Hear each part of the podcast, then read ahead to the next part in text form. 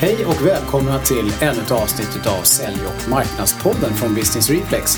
Det här är podcasten för dig som vill ha ny inspiration och kunskap om den allt mer digitala business-to-business-köparen. Ja, innan vi kör igång det här avsnittet tänkte jag bara säga det att eh, vi har gjort ett litet bonusmaterial till avsnitt 112. En eh, checklista som berättar lite grann om hur du får det här med eh, bloggande på företaget att faktiskt fungera. Så gå till www.businessreflex.se under poddavsnitt 112. Där hittar du checklistan. Nu så, lyssna vidare. Ny dag här i eh, Business Reflex poddstudio. Men det är inte riktigt vilken dag som helst för jag har med mig en eh, kollega från Business Reflex som inte heter Anders Hermansson utan hon heter Josefin Frey. Välkommen till podden Josefin! Tack Lasse!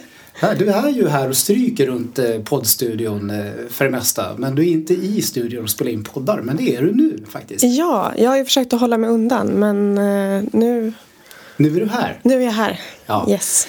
Och eh, vi ska alldeles strax förklara varför Josefin är här. Men innan vi gör det så kanske du skulle säga några ord om dig och vad du gör på Business Reflex. Eh, Josefin Frey heter jag och eh, jag jobbar här med Lasse och gänget och har hand om olika kunder på Business Reflex och deras digitala marknadsföring. Precis, du är en sån här allkonstnär inom digital marknadsföring. Ja. Det skulle man kunna säga. Det skulle man kunna säga, det var en bra beskrivning. Ja. Jättebra. Du, eh, det är ju så här att eh, det här avsnittet då eh, har ju vi valt att tillägna det här med bloggning. Mm. Det är ju ett fenomen som har funnits ett tag, eller ganska länge egentligen. Mm. Och det är ju en hel del som gör det här väldigt bra och har fått in väldigt bra rutiner och det här har blivit väldigt framgångsrikt för dem. Sen finns det ju andra som har kommit igång med det här eh, mm. lite grann och har en hel del utmaningar med att få det att funka. Mm. Och sen finns det ju såklart de som inte har vågat ta steget och komma igång alls. Mm. Eh, och en del undrar lite grann om det här med bloggning är, är dött och så. Eh, men det är det definitivt inte. Nej. Och eh, därför har vi eh, kokat ihop det här lilla avsnittet du och jag. Där vi ska försöka hjälpa våra lyssnare att förstå mer om hur man faktiskt kan få det här med bloggningen att funka om man inte riktigt har fått den där farten man vill. Eller kanske komma igång om man inte har kommit igång, eller hur? Ja. Jättebra. Stämmer. Du, vilken ände ska vi börja i Josefin när det gäller det här med bloggning? Eh, ska vi ta det från den här aspekten varför bloggning är viktigt kanske? Det kan vi göra.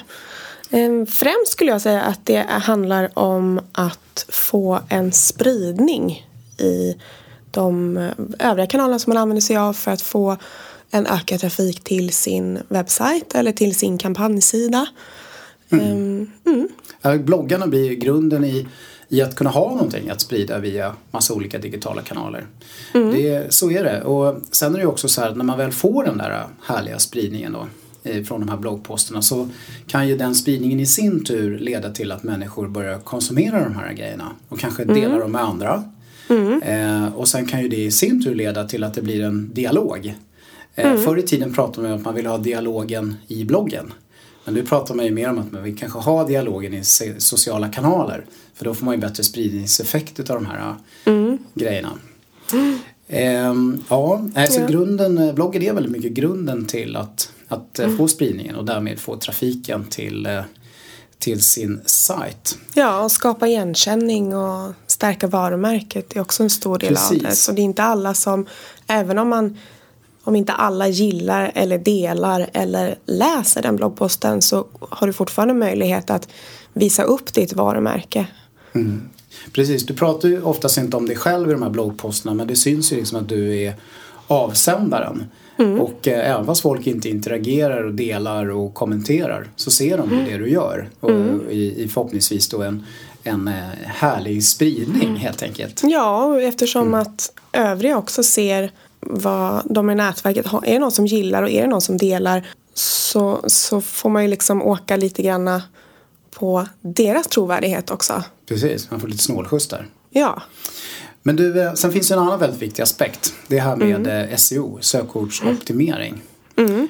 Uh, ja, för det är ju så att Google gillar ju det här med bloggning. Google gillar bloggning, ja. Eh, och när man pratar om SEO så gäller det att man hittar de orden som man vill bli hittade på. Mm. Eh, och sen behöver man upprepa det och förstärka det hela tiden för att, för att Google ska tycka att det fortfarande är bra. Så vill man bli hittad på, eh, på podcast Just till exempel. podcasting, Då måste man skriva en blogg om podcast. Eller då måste du ha många ord, många podcastord om det på hemsidan. Så eh, SEO är, är en viktig del. Ja. Eh, nej men, eh, och sen så brukar man ju ofta tänka så här att eh, eh, man kommer ju på nya ord och fraser som man vill bli hittad för. Eh, och då uppstår ju då den stora frågeställningen hur sjutton bär jag mig åt då? Och har man då en väl fungerande blogg som har, eh, har trafik och traction hos Google då får man ju helt enkelt skriva en bloggpost som handlar om det där sökordet eller den där frasen så börjar man ju bygga upp sin, sin eh, SEO helt enkelt. Eh, Så att eh, har man en fungerande blogg då har man ju också en bra möjlighet att vidareutveckla sin eh, SEO över tiden. Helt enkelt. Man har liksom ett sätt att, så att säga, bli hittad hos Google. Sen är det ju också så att Google gillar ju de här eh, bloggarna väldigt mycket. Eh, sajter med bra bloggar har ju bra, får ju bra traction eh, hos Google helt enkelt. Ja, det finns ju andra väldigt värdefulla saker med en blogg. Men Det finns ju ett begrepp man pratar mycket om i digital marknadsföring som vi kallar för nurturing. Ja. Eh, Då det här med bloggarna kan komma in och få en väldigt vi- viktig och avgörande betydelse. Vi kanske ska börja med att förklara begreppet nurturing så att alla hänger med på det. Nurture-kampanjen eller nurturing handlar ju om att man någonstans har man har delat och spridit sitt budskap, säga då, i digitala kanaler. Man har, man har fått ut en riktigt schysst blogg som någon kommer in och tänker att åh, jätteschysst blogg. Den här vill jag prenumerera på.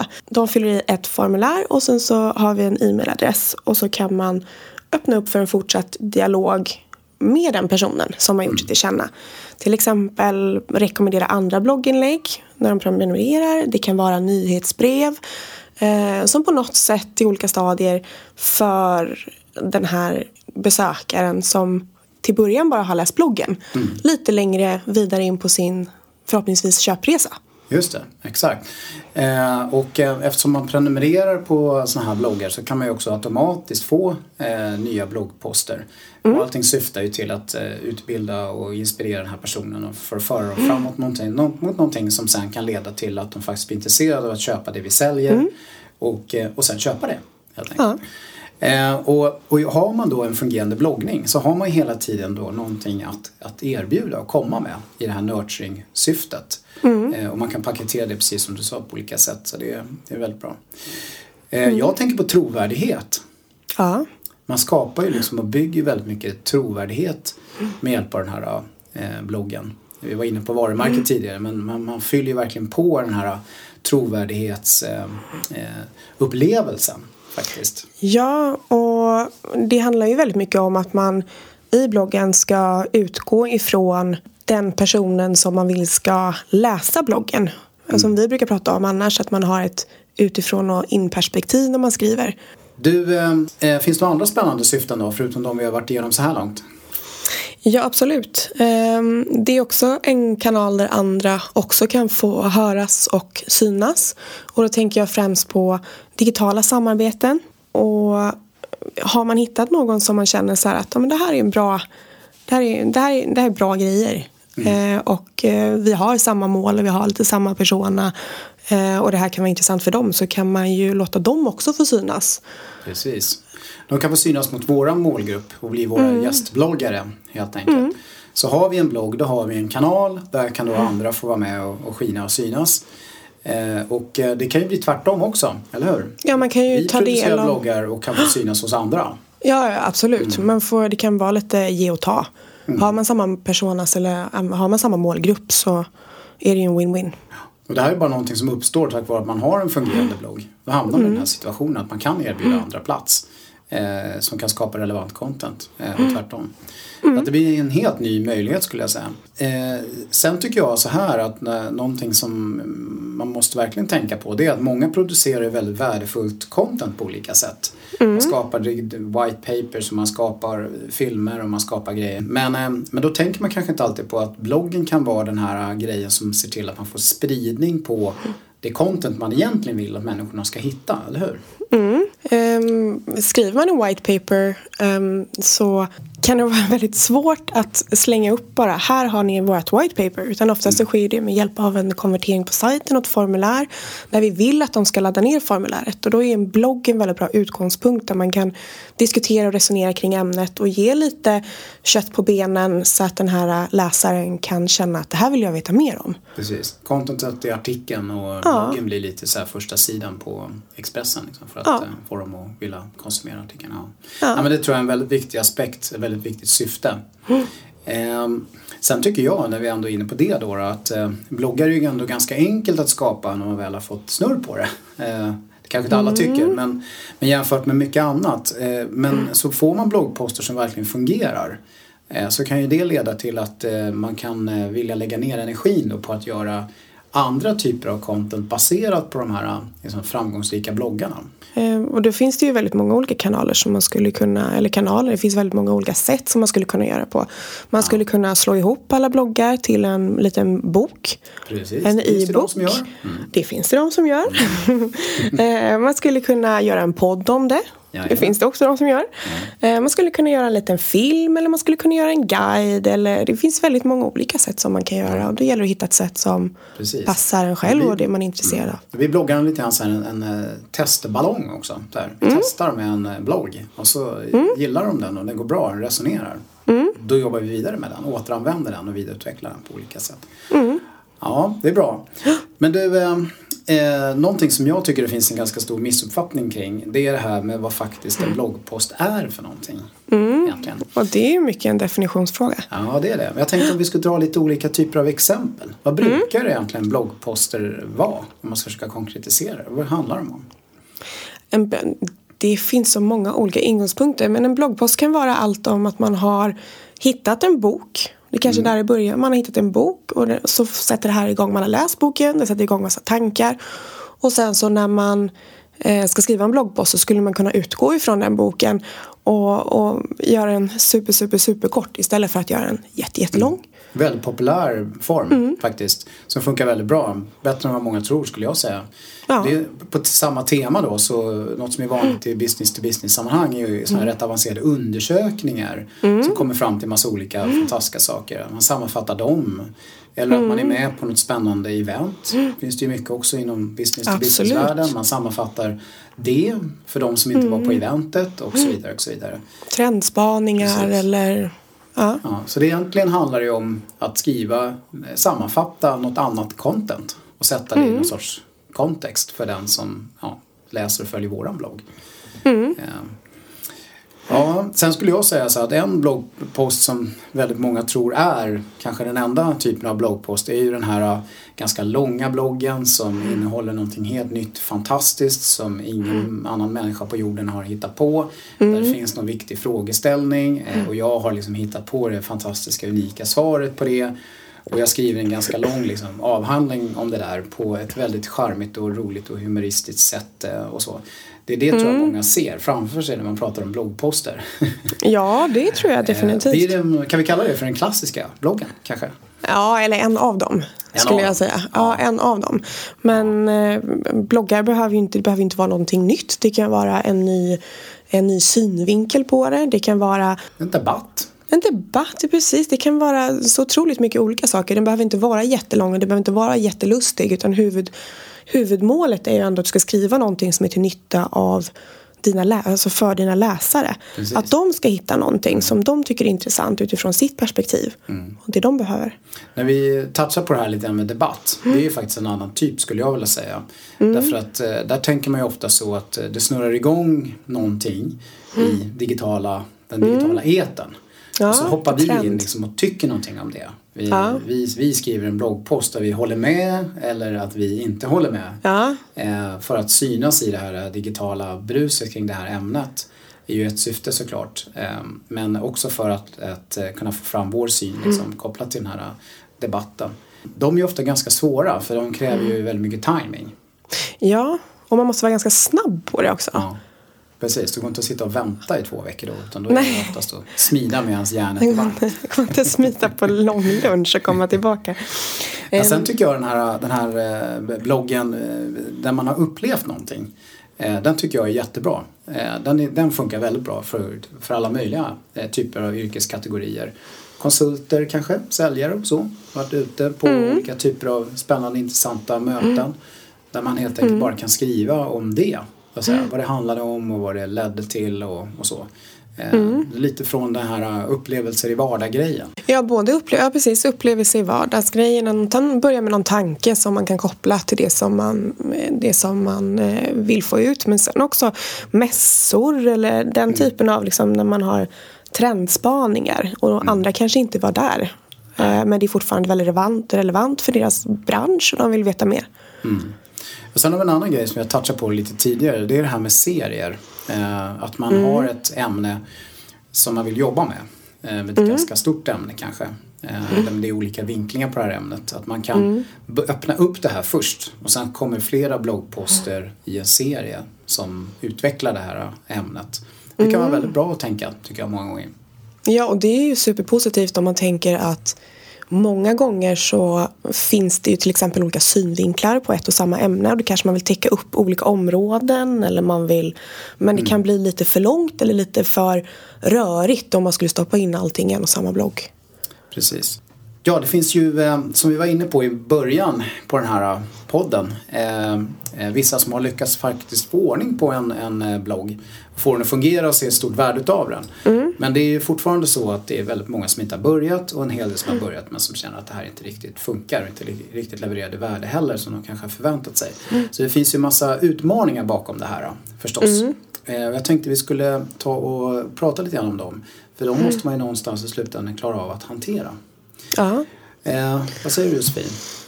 Vad har vi för stora utmaningar som gör att det här inte alltid blir så lätt som man har tänkt sig?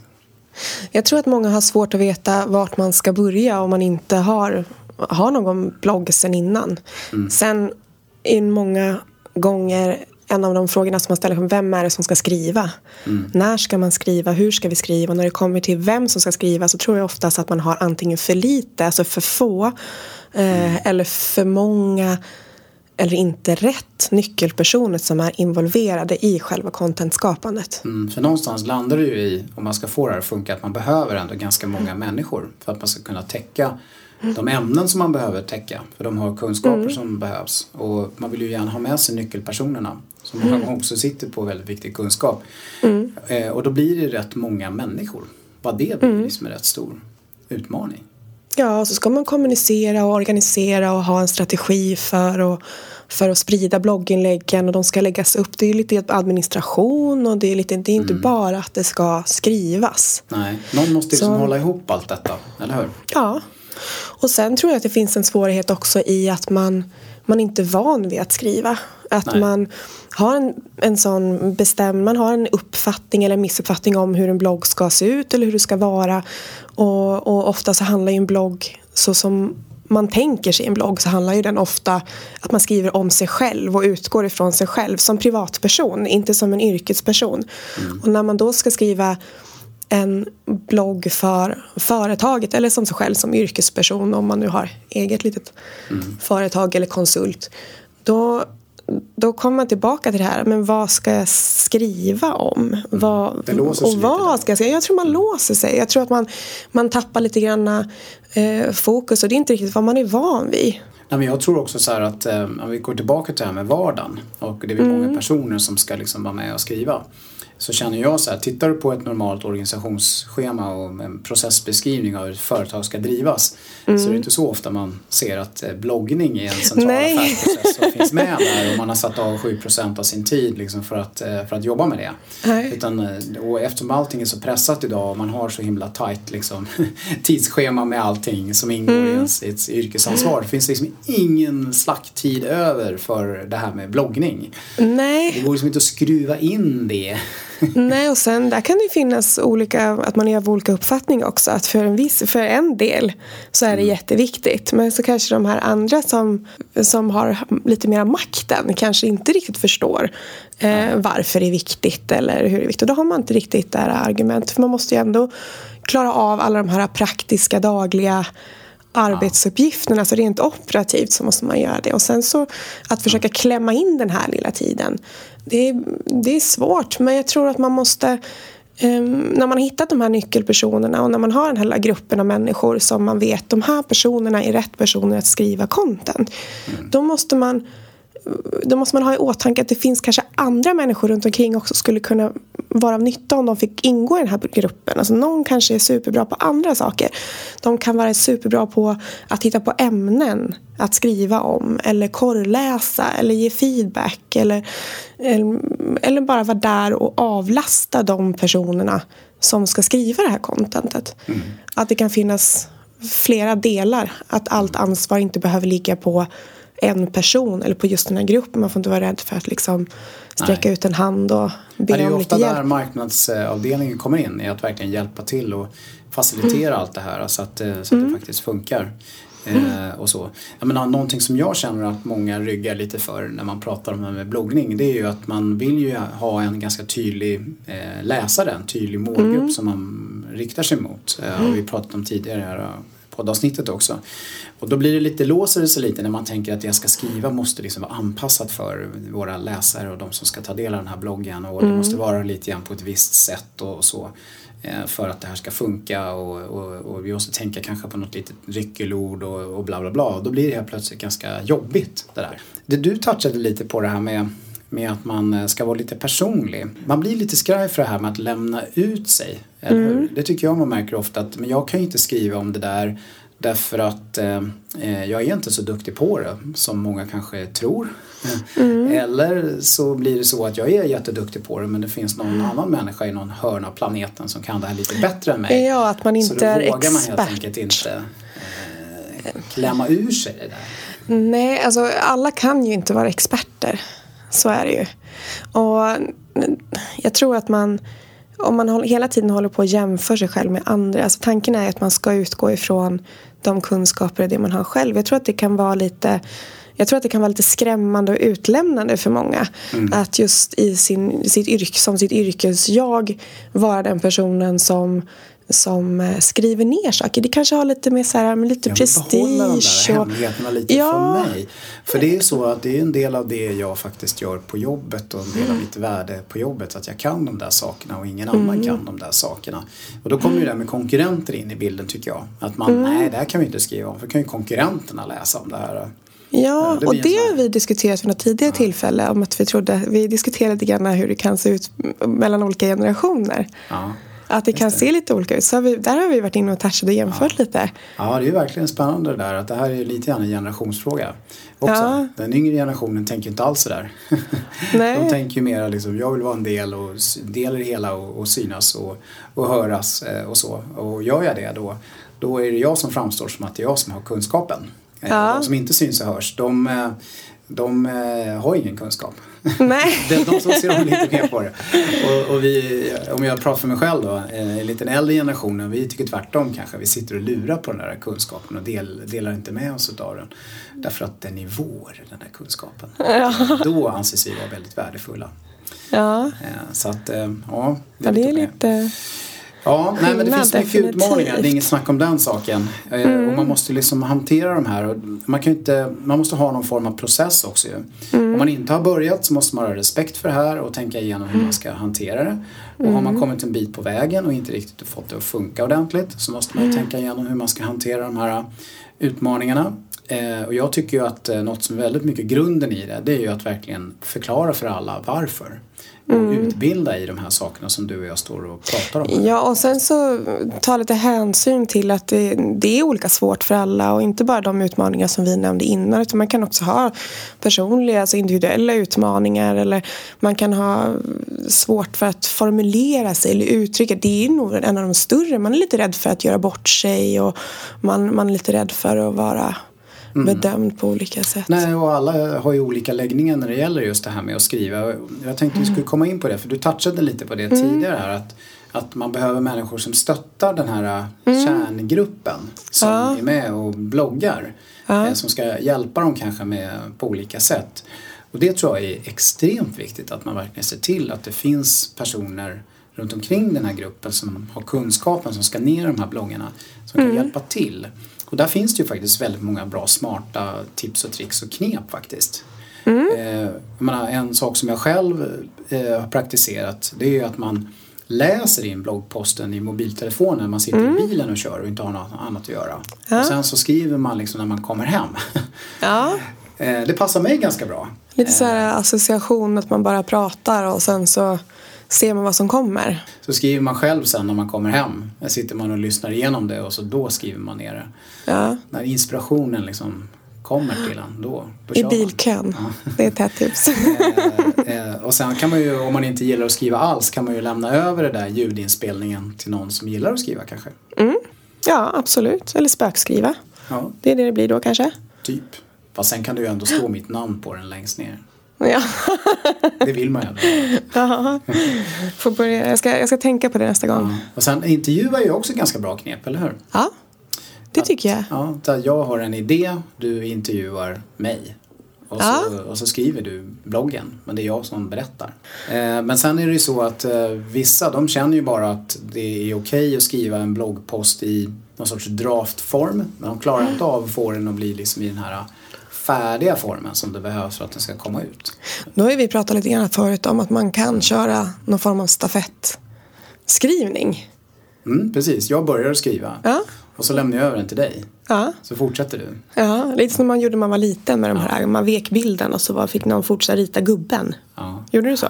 Nej, just det har Nej. inte jag gjort faktiskt. Nej, och sen så viker man upp hela pappret sen. Och då har man en... Det är, det är så man bloggar i moderna världen. Man börjar i en ända så lämnar man över till nästa som lämnar över till nästa. Ja, fast men man får se vad som står innan. Det är faktiskt en väldigt bra idé.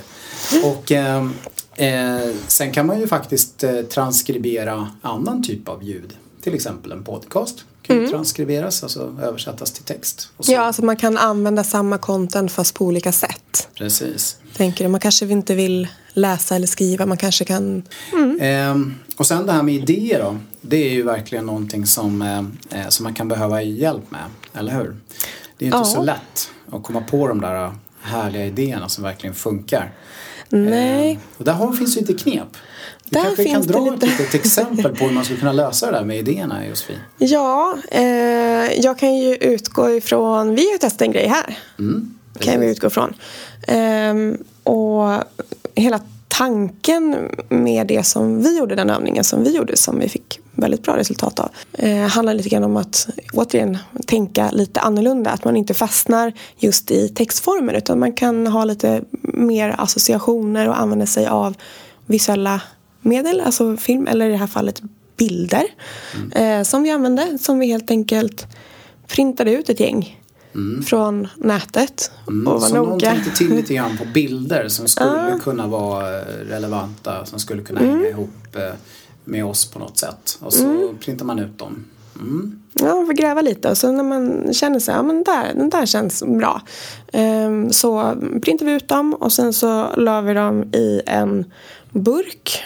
Och så hade vi angett också vilken, vart vi hade hämtat bilden ifrån självklart. Just det, Eh, precis, så att det är gratis. Ja, och så att det är sådana som man får använda utan att tillfråga någon fotograf. Eh, slängde ner dem i en burk och sen så samlade vi alla personerna som skulle vara med och fick alla dra en bild ur den burken.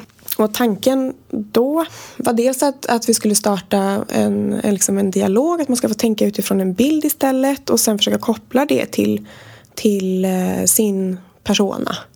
Som man Ska skriva för. Ja, som man ska skriva för. Och sen så tog vi det därifrån.